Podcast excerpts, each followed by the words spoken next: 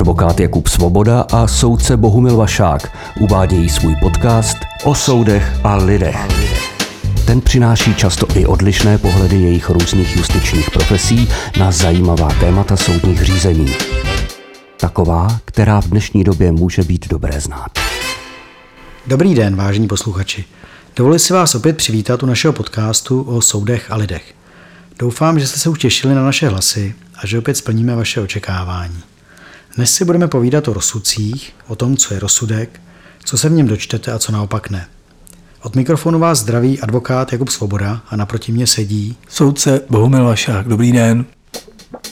Posloucháte podcast o soudech a lidech. V úvodu dnešního dílu zaznělo, že naše téma je rozsudek. Je to takové velmi typické téma pro soudní řízení. Věřím tomu, že naproti mě sedícímu soudci Bohumil Vašákovi bude velmi blízké. Takže Bohouši, co to je rozsudek? Co bys nám řekl, kdybych měl říci, popiš jednou větou rozsudek? V publikaci, kterou tady zmíním, Klíč k soudní síni, soudce Jaromír Jirsa říká, že to je koruna práce soudce.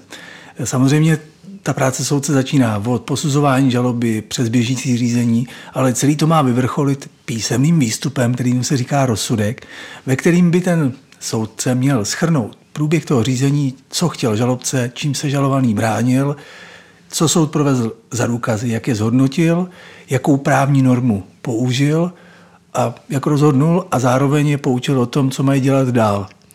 Já bych možná ještě doplnil, že já jsem vždycky vnímal, že rozsudek eh, není úplně jenom ten písemný výstup, respektive, že existuje rozsudek a písemné vyhotovení rozsudku. Takhle jsem to vnímal, jestli ano. to vnímáš ty jinak. E, naráží zřejmě na to, že e, rozsudek se vyhlašuje a při tom vyhlášení se nějakým způsobem e, zaznamená v tom ústním projevu, v tom odůvodnění ústním to, jakým způsobem s tím soud nebo soudce nakládal, proč tak rozhodl a potom to celé ještě zaznamená v té písemné podobě, což by mělo být víceméně to samé. Je to to to samé? No, jak kdy. A optám se ještě tebe. A slovy pana soudce Jirzy, nasazuješ rád korunu své práci? Je to jak je to? Hele, upřímně řečeno, psaní není moje úplně oblíbená činnost. Já to radši vysvětluju, než, kdy, než to píšu. Jsou ale samozřejmě e, jiní kolegové, kteří preferují naopak e, ten písemný výstup. Takže za mě spíš podstupuju právo utrpné, že to prostě musím napsat. Já bych to nejradši těm lidem jenom vysvětlil. A nedáme se optat jako na jednu věc, která ještě možná trošku předchází tomu rozsudku.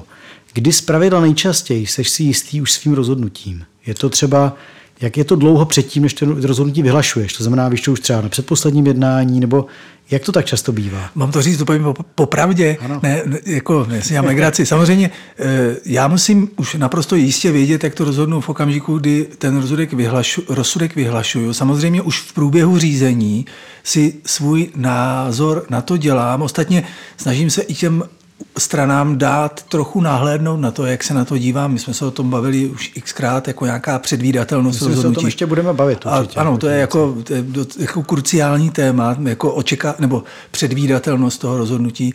Takže samozřejmě šalomonská odpověď je jak kdy, ale v zásadě e, vím až jak to dopadne teprve v okamžiku, kdy se teda e, odvážím k tomu, že tento rozhodnutí vyhlásím. Hmm. A ani tehdy to úplně přesně, ne, nebudu to úplně takhle rozmělňovat. Samozřejmě v ten okamžik jsem přesvědčen o tom, že vím, jak to je. Jestli to je pravda, jestli to je dobře, to je věc druhá. No. A teď stalo se ti někdy, že při psaní odůvodnění si zjistil, že možná to mělo být rozhodnuto jinak ta věc? A nebo už to máš opravdu v okamžiku vyhlášení, už to máš jako celé dodělané? A jako... Hele, upřímně řečeno, to je přesně pro mě ta noční můra, jo? že podstatě já se připravuju, mám nějakou strukturu, rozhodnu a pak je ten moment, kdy to podrobuju, to svoje rozhodnutí v podstatě svý, eh, sám eh, jsem sobě kritikem, protože v okamžiku, kdy to, co říkám, mám napsat, tam vzniká problém, protože najednou zjišťuju třeba, že to, co jsem si eh, pochopil z toho, z té své přípravy, najednou po té, co to ty podklady vidím znova, může být viděno z jiného úhlu No ale samozřejmě to už není důvod pro to, abych to změnil, protože to je důležité zmínit. Rozsudek je, když se vyhlásí, tak je jím soud vázán a nesmí ho změnit. Jo. Ne, že by se to nedělo. Dokonce jsou eh, případy zaznamenané, kdy e, soudce třeba vyhlásil rozsudek v nějaké podobě a pak to celý změnil, ale to samozřejmě nesmí být. Jo. Tam je ten důležitý moment, že jakmile to vyhlásím, tak už hold musím, začal jsem hrát tu hru a musím ji dohrát. Já musím říct, že ještě k téhle, tomhle tématu vlastně mám jednu poznámku, že u vyšších soudů jsem se setkal, dokonce i nedávno jsem byl na vyhlašování jednoho nálezu ústavního soudu. Mm-hmm. A popravdě řečeno vlastně v okamžiku vyhlašování toho nálezu už ten nález musel být celý napsán.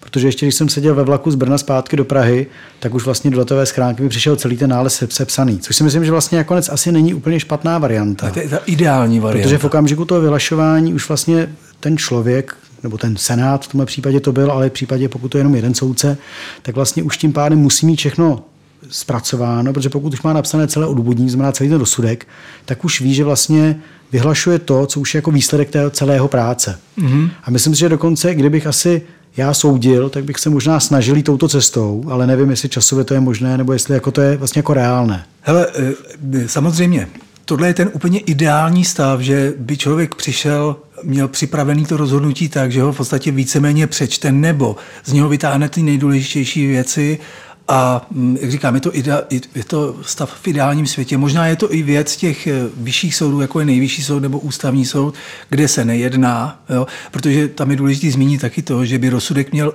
obvykle eh, následovat po posledním jednání ve věci samé, respektive v, zá, v závěru toho posledního jednání. Jo. A e, tam se samozřejmě i při tom posledním jednání můžou stát věci, které člověk ještě předtím ani neviděl. Zatímco u toho ústavního soudu nebo nejvyššího soudu tam se nejedná, tam už mají všechno k dispozici. To je pravda. Ale samozřejmě, čím pečlivější příprava i na to vyhlášení rozsudku, tím přesvědčivější ten rozsudek i v té jaksi e, podobě jenom e, ústní, tak tím je to přesvědčivější. Že jo? Je to tak. Možná pro naše posluchače bych jako zmínil, že vlastně celá řada soudů nebo soudců vlastně i odročuje třeba za účelem vyhlášení rozsudku. Vím, že toto odročení je možné, nemělo by přesahovat, pokud se nemýlím, 7 dnů. 10. 10 dokonce, děkuji, děkuji za upřesnění. A jde o to, že vlastně to je potom jednání, na které ten soud pouze vyhlásí rozsudek. Já jsem to vždycky vnímal tak, a nevím, jestli mě opraví, že vlastně je to takový ten čas, který se ten soudce bere, aby se teda srovnal všechno, co se odehrálo. Ano. Často to bývá případy, kdy třeba v tom rozsudku je potřeba něco složitějšího počítat. Takže v tomhle směru raději ten soudce si ten čas vezme, aby mm-hmm. měl jistotu, že v tom okamžiku vyhlašování už to je na ty desetníky úplně přesně.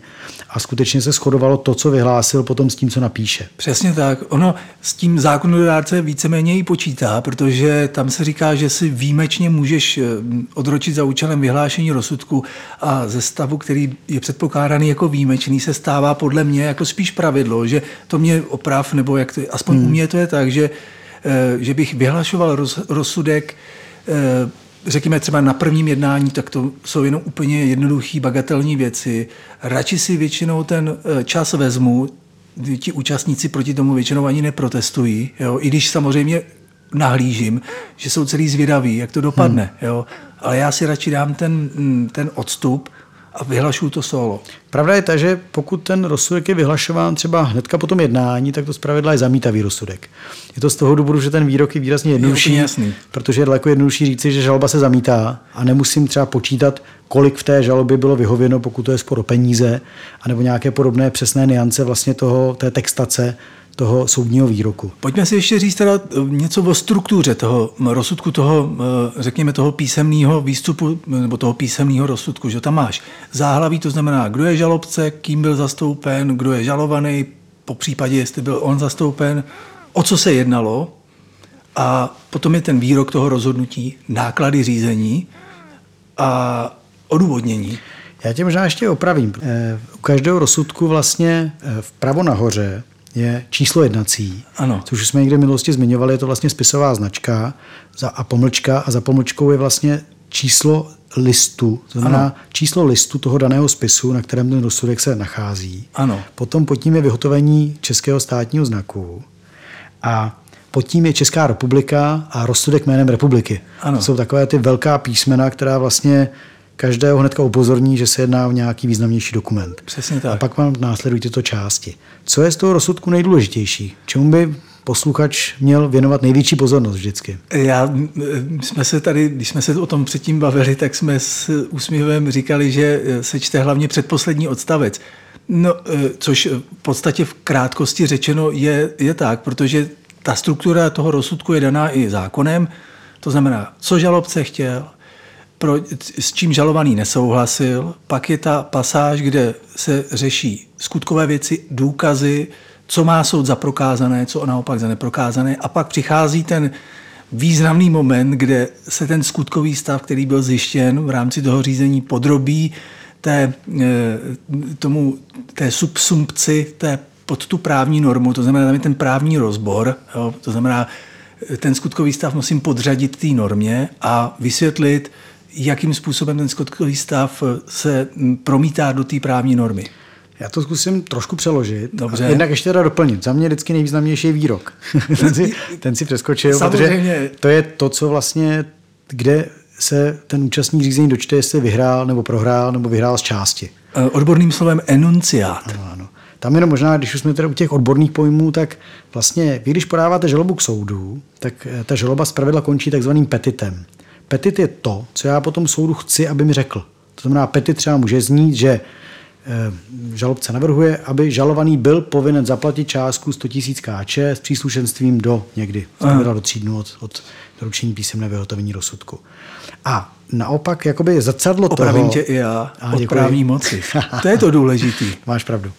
A zrcadlo tohoto je vlastně potom výrok, ten enunciát v rozsudku, který vlastně říká, co nebo jakým způsobem mají být upravena ta, ta, vlastně ty vztahy těch účastníků toho soudního řízení. No pravda je, protože eh, eh, ten rozsudek nemusí být jenom vyhovující nebo jenom zamítající eh, nebo zamítací. Je tam, jsou různé varianty. Že? Částečně se vyhoví, částečně se zamítne, částečně se zastaví. To záleží na tom, jak to řízení probíhalo a jaký, jaký úkony tam ty účastníci dělali. No? Současně ještě můžete mít řízení vlastně třeba určení stavu, může být řízení o rozvodu manželství, to znamená potom ve výroku je, že manželství se rozvádí ano. a podobně. Nicméně ten výrok je samozřejmě velmi důležitý. Věřím tomu, že třeba někdy se budeme bavit o tom, co všechno vlastně může být předmětem soudního řízení. Protože vlastně ten předmět soudního řízení by měl být přetaven do toho rozsudku a rozsudek by měl zcela ten předmět řízení vypořádat. A e, takže to je ten výrok. Potom podstatě po výroku následuje část takzvaná jako odůvodnění a ta může být více stránková, může to být třeba třístránková až 50 stránková. Skutečně jde o to, jak složitý byl ten skutkový stav. A zpravidla to odůvodnění začíná tím, že byla podána žaloba, začíná rekapitulací tvrzení toho žalob, žalobce, to znamená, s čím tu žalobu podal. Naproti tomu zase následuje rekapitulace, co tomu říkal ten žalovaný. Ano. Je pravda, že často se moji klienti jako rozčilují nad tím, že v tom rozsudku jsou uvedeny nepravdy a je to prostě dáno jenom čistě tím, že ten soud tam rekapituluje to, co říkala ta protistrana, aniž by to zatím ještě hodnotil. No. Potom následně soud zpravidla rekapituluje to, jaké důkazy byly provedeny a jaká skutková zjištění z nich byla učiněna. Ale opravdu mě opravuji, já rozsudky nepíšu, takže... Ale čteš, takže se... říkáš to správně. Tak a pak se dostáváme k té základní nebo k té důležité části, kterou si zmínil. A to je to vlastně, kde na základě toho zjištěného skutkového stavu ten soud tam napíše ten svůj názor, jaký na něj má. Schválně to říkám takto laicky, aby to bylo pochopitelné. A míněno právní názor. Přesně tak. Ale je to ten názor, je to vlastně to, co je pro toho účastníka řízení nejdůležitější. Protože to je to, co vlastně ten soud tam v tu chvíli odpovídá na tu otázku, která, řekněme, v tom řízení byla nastolena. To znamená, jestli podle práva ta žaloba byla podána, jestli ten má to právo, ten má jiné právo. Mm-hmm. Protože to znamená potom, že ten soud si dá dohromady, co bylo prokázáno, a pak řekne, co z toho, co z těch provedených důkazů vlastně vyplynulo. Mm-hmm. A skutečně teda bohužel, za mě bohužel, to někdy jsou třeba jenom jedna, dvě nebo tři věty. A přitom eh, mnohdy, nebo často řeší poměrně složité otázky. A samozřejmě míra toho odůvodnění potom slouží těm účastníkům pro tu úvahu, jestli se mají odvolávat, nemají odvolávat a podobně. Takže v tomhle směru za prvé, při čtení rozsudku z pravidla skutečně se ten rozsudek čte odzadu, přeskočí se eh, náklady řízení. Náklady, poučení, náklady řízení a tam někde hledám tu odpověď na to, jak ten soud, co mi vlastně ten soud chtěl říct, proč takto rozhodl. No. to skutečně z pravidla opravdu na předposlední stránce nejčastěji. No. A tady jsme vlastně u úplně základní otázky, kterou já vnímám, je, že uh, už od zač- začátku mé kariéry jsem zaznamenal, že ne, jakoby názor, že rozsudek se píše pro odvolací soud a pak druhý názor, že rozsudek se píše zejména pro ty účastníci, účastníky. Pardon. Z toho, jakým způsobem jsem to řekl, sugestivně i vyplývá, jak by to asi mělo být, respektive já si myslím, že to z toho vyplývá podle mýho názoru, by ten rozsudek měl směřovat zejména vůči účastníkům. Přestože jsou zastoupeni, podle mě by měl každý, kdo si ten, ten rozsudek čte, i když není úplně právník, pochopit ty myšlenkové pochody, který ten soudce měl. A e, to si myslím, že někdy se úplně jako nedaří nám soudcům jako splnit. Hmm. Že, to píše, že se to píše častěji pro odvolací soud, e, čím odbornější, tím líp. E, myslím si, že se i často se že registrují i snahy se jako jako to zamlžit používáním těch právnických pojmů, jo? ale to podle mě není ta správná cesta. Rozsudek by měl obstát sám o sobě tou, a tou, jako, tou čistotou toho myšlení. Já jenom bych asi se vrátil na ten začátek. Pokud hmm. říkáš, že to je vrchol práce, tak v tomhle tom směru bych já očekával vždycky, že to opravdu je to vrcholné dílo.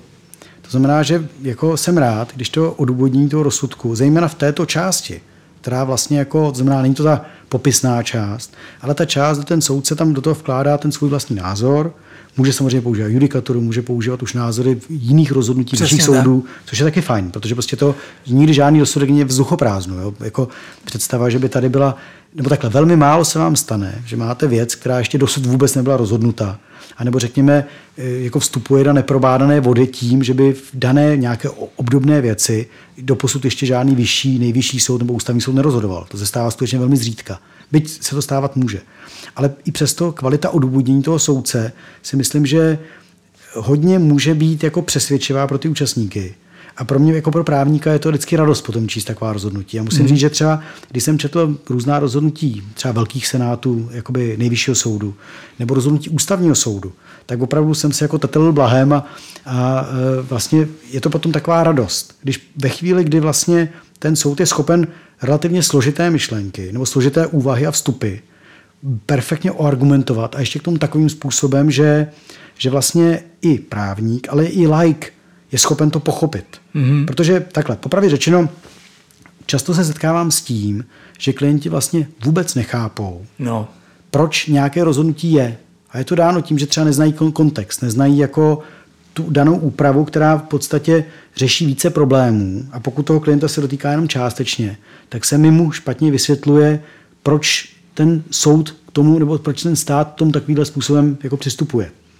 Já teď možná zkusím rozhodnout asi jednu věc. Napadá mě, abych vám to přiblížil. Tuhle Jasně, rozumím. Vstoupím jako do rodinně právních věcí a je to o tom, že ve chvíli třeba jednám s otcem a bavíme se o výživném pro děti, tak vlastně eh, třeba ten daný otec jako poměrně těžko chápe, že vlastně eh, se hledí zejména k jeho příjmům a zpravidla se neodčítají jeho nutné náklady, respektive prostě, že jde o to, že vlastně ten úprava rodinného práva upřednostňuje tu situaci, aby dítě bylo správně vyživováno, respektive aby dítě mělo prostředky na výživu, respektive matka získá od otce prostředky na výživu. A tím pádem v určitých ohledech může být vůči otci lehce nespravedlivý. Mm. Protože ten zájem na tom, aby dítě prostě prosperovalo, je natolik významný, že samozřejmě některé jiné zájmy toho otce jako musí ustoupit. A je to tak v pořádku naprosto. Mm. Ale jenom chci říct, že vlastně v určitých ohledech někteří tomu špatně rozumí, respektive pochopí to ve chvíli, kdy se jim celá ta situace vysvětlí v nějakém kontextu. Mm. Já nevím, jestli, jestli jsem to vysvětlil jako dostatečně srozumitelně, ale chci jenom říct, že eh, možná, abyste si uvědomili, proč se nejčastěji v případě práva eh, kreslí váhy. Je to dáno tím, že vlastně vždycky v právu fungují dvě věci, které jdou proti sobě. Vždycky jsou, řekněme, dvě práva, která se vzájemně vylučují. A, a nebo jsou v kolizi. A nebo jsou v kolizi. A pro vlastně něco, co bychom mohli nazvat jako spravedlivém uspořádání, spravedla toto práva musí být nějak vyvážena. To znamená, od každého je tam část. A pochopitelně ve chvíli, kdy někdo je v té pozici na jedné misce vach, tak se mu špatně hledí na tu druhou misku vach. A to je princip práva. A stejně tak vlastně ve chvíli, kdy ten soud, jak jsem říkal, v tom odůvodnění se přikloní na nějakou stranu, to znamená v tom daném případě řekne, že tady ta miska vach pro ně je zásadnější než ta druhá a je to schopen perfektně argumentovat, tak to je ten moment, který vlastně já velmi kvituji a vždycky si říkám, že ta naše práce v tu chvíli má nějaký smysl. No já, já myslím, že ještě když se kousek vrátím eh, s tou srozumitelností a nesrozumitelností toho odůvodnění, se to úzce dotýká právě toho, co jsem tady řekl už na začátku, že prostě eh, když někdo vychází z toho, že rozsudek se píše hlavně pro odvolací soud, eh, tak právě upírá v uvozovkách svým způsobem těm účastníkům právo na to, aby, tomu, aby to bylo srozumitelné. Pokud to někdo, řekněme, zahltí různými odkazy na různou judikaturu, kterou, což může pomoct, ale pořádně to nevysvětlí, jo, tak to je, eh, a, a ten účastník si to musí nechávat v podstatě přeložit do toho advokáta, tak podle mě v něčem ta justice se lhává. Tomu souhlasím. Jako já musím říct, že pro mě třeba i motivy vůbec pro tento podcast byla právě ta snaha výměny informací mezi justicí a třeba advokací mm-hmm. a vlastně jakoby zpřístupnění těch někdy složitých myšlenek vlastně eh, jako běžným lajkům. To znamená lidem, kteří nemají právní vzdělání, ale samozřejmě právo se dotýká nás všech a je tedy jako maximálně jako záhodno, aby mu všichni byli schopni rozumět. No.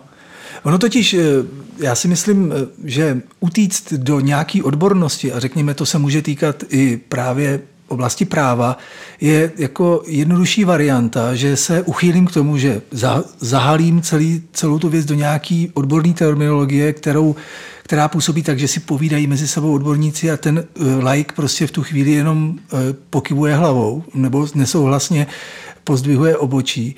Tak to je uh, podle mě nešvar, který jako by tady neměl být a málo se na to dbá, aby ten rozsudek byl prostě srozumitelný každému. No. Určitě. Jako já s tímhle souhlasím a právě se snažím všechny ty věci vysvětlovat a zjednodušovat. Mm-hmm. Což samozřejmě odborníci nebo moji kolegové můžou říkat, že jsem prostě věci zjednodušil, že možná v řadě, na v řadě místech, jako v tomto podcastu, mě eh, mohou chytat za určité nepřesnosti, ale to není to téma. Ano. To jako je, je, to, je to věc toho, že vlastně eh, samozřejmě pro vysvětlení některých věcí je určitá míra zjednodušení třeba ale mám za to, že to zjednodušení je třeba dělat vždycky tak, aby byl zachován ten podstatný smysl Aha. té skutečnosti, která se zjednodušuje. Hele, to je, já si myslím, že si úplně v krátkosti schrnu eh, to, k čemu my všichni soudci bychom měli tendovat eh, vlastně celý svůj profesní život. Snažit se vysvětlovat ty věci jasně, ale eh, v podstatě i zjednodušovat, ale neubírat tomu na té přesvědčivosti, a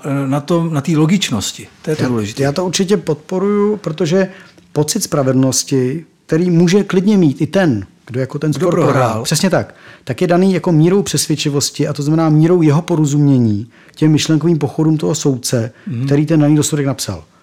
A jako samozřejmě člověk jako může být nejdřív naštvaný, ale pak se mu to rozleží v hlavě a může si klidně uvědomit, že ten rozsudek může vnímat jako spravedlivý, i když jako ve vztahu k němu nebyl vyhovující.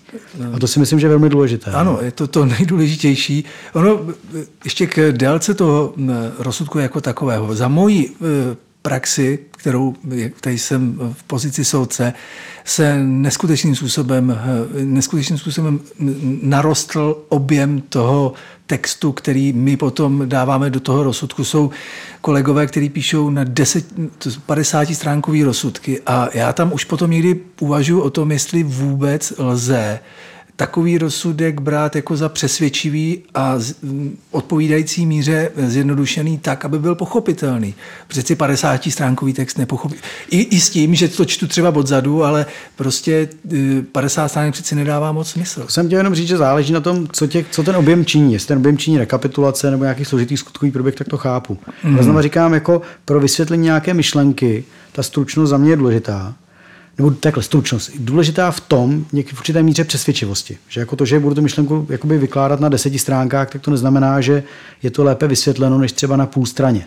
No, no ale... on, ono to, promiň, že ti do toho skáču, ale ono to souvisí s tím, že se, a to mám jako zkušenost, řekněme, že to je jistá dojmologie, ale je posílená tím, že se bavím s kolegama, tak máme pocit, že jako složitost těch sporů roste s ohledem asi na to, jakým způsobem eh, se mění klima ve společnosti, já nevím, jaký různý sociologický momenty pro, pro to podřadit, ale připadá mi, že je to čím dál složitější samo o sobě ta materie. Tomu v podstatě i odpovídá rozsah toho, eh, toho odůvodnění, který prostě neustále bobtná. Ostatně bobtnají i samotná podání, které přicházejí. Jo, žaloby na 30 stran nejsou vůbec žádnou výjimkou jo, v současné době. A tam v podstatě přichází, eh, přichází ke slovu to, že člověk musí za cenu nějakého zjednodušení který se nikomu třeba nebude líbit, eh, přistoupit tomu, aby to bylo vůbec rozumitelné. No? Já, já mám takhle, tak tom obňání textu obecně, to si myslím, že se týká jako nás všech, a je to daný technikou, jako pamatuju si dobu ještě v advokátních kancelářích, kdy počítače nebyly. Mm-hmm. To znamená, psalo se na stroji. No jo. A samozřejmě ve chvíli, kdy člověk udělal chybu, tak tam buď ten škatanec nechal, anebo musel přepisovat celé. Přesně na to řečeno v Turánu veškeré smlouvy, a to jsem třeba viděl smlouvy na výstavbu, já nevím, nějaké obrovské fabriky, tak taková smlouva měla 8 stran. Dneska, ono, to je, dneska to je naprosto nepředstavitelný moment. Jo? Ano. Určitě se někdy dostaneme vlastně k těm uh, psaným výstupům v právu, ať to jsou smlouvy nebo podání nebo i rozsudky. A takže jednak samozřejmě technika to daleko s nás umožnila, copy-paste, které asi všichni Jasně. používáme, tak v podstatě nebolí a nabide text netka. A ono to i vypadá líp, ale to přeci není hmm, ta cesta. Souhlas. To je ten problém. No. Naprostý souhlas. No. Pojďme se ještě vrátit k tomu rozsudku, protože mluvili jsme o tom, ať ho, řekněme, doprobereme v jenom rychlosti. Chci se věnovat vlastně tomu jeho úplnému závěru. Na konci rozsudku je něco, co se jmenuje poučení. Co to je?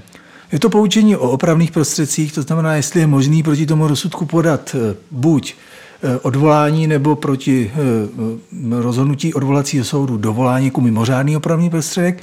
A pak je tam poučení o tom, že když v té lhůtě, která je stanovená v tom rozhodnutí, nebude splněno dobrovolně, lze nařídit soudní výkon, nebo respektive v současné době už zejména exekuci. Tady ještě třeba říci, že jsou určité typy rozhodnutí, nejsem si ani jistý z hlavy, jestli u rozsudku se to týká taky, že někdy tam můžete mít napsáno, že už opravný prostředek není možný, ale přitom zákon takový opravný prostředek umožňuje. To znamená, mhm. jenom chci říci, že ne vždy je dobré se čistě řídit jenom tím poučením. Ale opět zase se vrátím k tomu, co už jsem tady říkal a budu říkat mnohokrát, často je dobré se skutečně poradit s někým jako práva znalým, zejména s advokátem, protože v určitých případech, když máte rozhodnutí a na konci je napsáno třeba, že opravný prostředek není možný, tak to neznamená, že existuje ještě nějaký mimořádný opravný prostředek, který v tom daném případě můžete využít. Jako třeba obnova řízení nebo zmatečnost. Ještě jedna důležitá věc, kterou jsem tam nezmínil, je tam uh, poučení o opravném prostředku a lhůta, ve které lze ten opravný prostředek uh, podat. A to je strašně důležitý, že vlastně ta lhůta tam u rozsudku v civilních věcech je 15 denní a začíná se počítat od okamžiku, kdy to přijde tomu účastníkovi. To znamená, kdy byl ten rozsud, písemné vyhotovení rozsudku doručeno. Doručeno. Nejčastěji. Jo. Dobře, tak jsme asi rozsudek probrali. Tak já moc děkuji Bohouši a těším se na další díl. Já taky díky a zatím ahoj. Advokát Jakub Svoboda a soudce Bohumil Vašák. O soudech a lidech.